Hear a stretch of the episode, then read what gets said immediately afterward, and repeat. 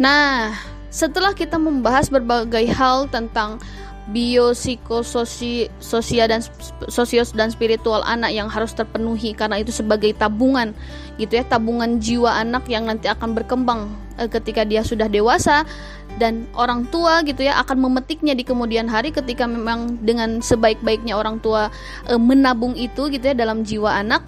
Eh maka menjadi PR yang lain ketika misalkan ternyata orang tuanya atau kedua orang tuanya bekerja khususnya para ibu ya para ibu bekerja karena kan e, kalau misalkan ternyata pengasuhan itu diberikan kepada orang yang tidak tepat ini kan e, peran ayah dan peran ibunya itu justru akan hilang. Nah, kalau misalkan peran ibu dan peran ayah ini sudah hilang, maka kalau dalam bahasa psikologi itu ada yang namanya kelekatan. Kelekatan dengan ayah dan ibunya itu tidak akan terikat dengan baik gitu. Akhirnya yang terjadi kalau misalkan kelekatan itu hilang, maka anak akan merasa tidak aman dengan lingkungannya, merasa merasa terus cemas, merasa terus khawatir. Karena apa? Karena dia tidak ada dalam tanda kutip ya, tidak ada yang memberikan rasa aman itu ketika e, dalam lingkungannya. Nah, makanya e, kelekatan ini sangat penting sekali meskipun ibu dalam posisinya bekerja. Nah, maka yang harus dilakukan ketika memang posisi para ibu bekerja it, baik itu bekerja di rumah gitu ya bekerja atau bekerja di luar yang ha, yang harus dilakukan adalah uh, saran saya sih memang pilihlah pekerjaan yang tidak menghabiskan waktu di luar. Nah, sekarang kan mas, banyak sekali gitu ya kesempatan-kesempatan yang bisa dilakukan apalagi di masa pandemi ini uh, misalkan uh, tentang jualan online dan lain sebagainya lah. Para ibu pasti pak uh, lebih paham gitu ya. Jualan-jualan itu kan sekarang ini lebih populernya gitu ya. Uh, pakai uh, jualan online sekarang-sekarang ini gitu ya dan ilmunya gimana nah itu bagian yang lain ya silahkan teman-teman bisa cari ilmunya di berbagai sumber gitu ya. Nah, yang kedua, jika memang harus ibu bekerja di luar, maka cobalah untuk tugas pengasuhan itu diberikan kepada orang yang tepat dan carikan orang yang bisa mengganti atau pengganti ibu dan ayah gitu ya, e, sosok ibu dan ayah. E, karena kan ada ya, misalkan gini, e, ternyata ibunya itu S2, S3, tapi diberikan pengasuhan itu kepada e, ibaratnya mohon, mohon maaf ya e, asisten rumah tangga yang misalkan lulusan SD yang dia juga bermasalah psikologisnya. Malah yang terjadi adalah ketika mengasuh anak, si anaknya itu malah disiksa gitu ya dan sebagainya. Nah, maka e, bagaimana sih caranya kita itu mem, e, mencari peng, si pengasuh anak kita itu yang bisa uh, selesai juga dengan dirinya sendiri. Jadi stab, lebih stabil emosinya, dia bisa lebih bisa mengasuh dengan sebaik-baiknya. Aspek-aspek psikologis yang sudah kita bahas sebelumnya gitu ya itu dia bisa terpenuhi dengan pengganti orang tua dan sebagainya. Kalau sekarang kan mungkin ya orang-orang yang para ibu bekerja itu lebih percaya kepada nenek kakeknya si anak itu gitu ya atau ibu bapak kita gitu yang bisa mengasuh anak kita dengan sebaiknya. Karena kan beliau juga yang membesarkan kita sehingga pengganti orang tua itu juga bisa dilakukan oleh nenek kakek. Dan jangan lupa ketika misalkan e, sudah selesai gitu ya ketika tugas kita di luar, maka yang harus kita lakukan bangun lagi kelekatan dengan anak.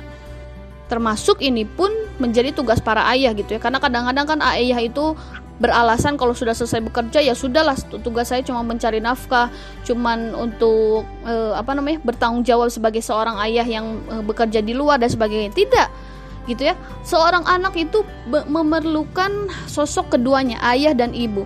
Jadi antara maskulinitas dan feminitas itu sangat penting diberikan peran itu uh, kepada anaknya. Kalau misalkan anak laki-laki melihat ayahnya, itu kan melihat oh bagaimana sih kasih sayang ayahnya itu kepada ibunya.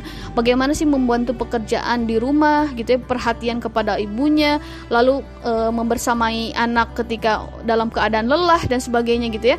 Main kuda-kudaan setelah bekerja dan sebagainya itu kan anak itu e, merekam gitu ya berbagai hal kejadian itu dalam benaknya sehingga si A, si anak laki-laki di kemudian hari ketika dia memiliki istri akan melakukan hal yang serupa ketika dia uh, nanti di kemudian hari ketika berumah tangga.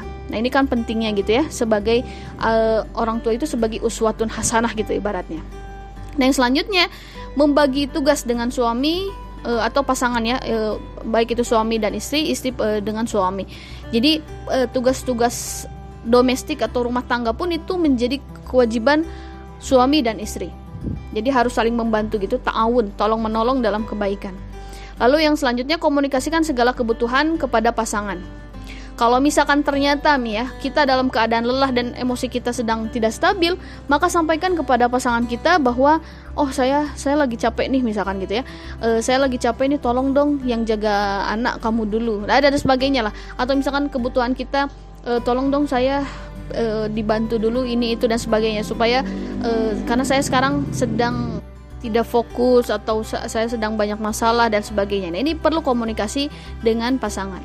Nah, lalu selalu pantau perkembangan anak. Kalau misalkan ternyata nih ya, uh, selama kita tidak mengawasi anak ternyata ada perilaku anak yang kurang baik, gitu ya. Misalkan entah itu ketika dalam pengasuhan uh, bersama nenek kakek itu ternyata si anak itu uh, apa ya namanya berteriak-teriak. Nah ini kan harus diluruskan gitu ya perilaku ini supaya nanti di kemudian hari dia tidak melakukan hal yang sama gitu ya. Jadi kita terus pantau perkembangannya apa nih yang yang harus diperbaiki, kita perbaiki, kita arahkan, lalu kita sampaikan kepada uh, pengasuhan yang kedua gitu ya.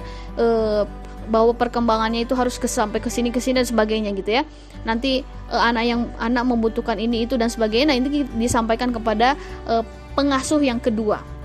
Nah, yang selanjutnya penuhi kebutuhan anak akan hadirnya ibu dan ayah gitu ya. Khususnya di sini kan ibu ya, tentang ibu bekerja.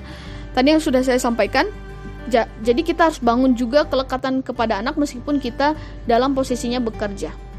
Nah, lalu yang selanjutnya, pisahkan antara pekerjaan dan rumah. Dalam arti ketika misalkan ada berbagai deadline yang harus kita kejar, lalu misalkan atau ada masalah ketika di luar atau dalam pekerjaan itu, kita jangan membawa itu ke rumah. Dalam arti jangan sampai kita melampiaskannya itu kepada anak gitu ya jadi si anak itu menjadi proyeksi emosi kita karena kita tidak mengelola itu ketika di e, pekerjaan kita tidak bisa mengelolanya gitu atau kita tidak bisa melampiaskannya ke, ke pekerjaan kita. Akhirnya kita melampiaskannya ke ke anak kita. Nah ini harus dihindari sekali.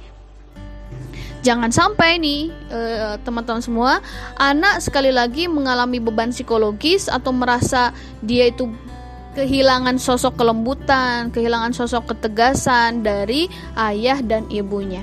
Nah, makanya baik teman-teman yang ada dalam uh, atau uh, teman-teman yang memilih sebagai ibu rumah tangga atau ibu yang bekerja keduanya harus memikirkan dengan sebaik-baiknya. Jangan sampai kita ini mengasuh anak hanya asal-asalan saja asal membesarkan fisiknya asal kita sudah menggugurkan kewajiban dan sebagainya. Tidak. Tapi bagaimana sih kita sekali lagi menjadikan anak ini sebagai investasi kita supaya dia bisa bertumbuh jiwanya bertumbuh uh, hatinya, bertumbuh akal pikirannya agar dia bisa lebih siap menghadapi masa depan yang akan dia hadapi di kemudian hari gitu ya. Nah, maka nih sebagai penutup teman-teman semua, e, di sini saya ada quotes gitu ya. Setiap orang itu pasti ingin yang terbaik untuk anaknya, betul ya? Dan hal yang terbaik yang akan anak dapatkan adalah dari seorang orang tua pembelajar. Karena akan lebih membahagiakan jiwa ketika mendidik dan membersamai dirinya.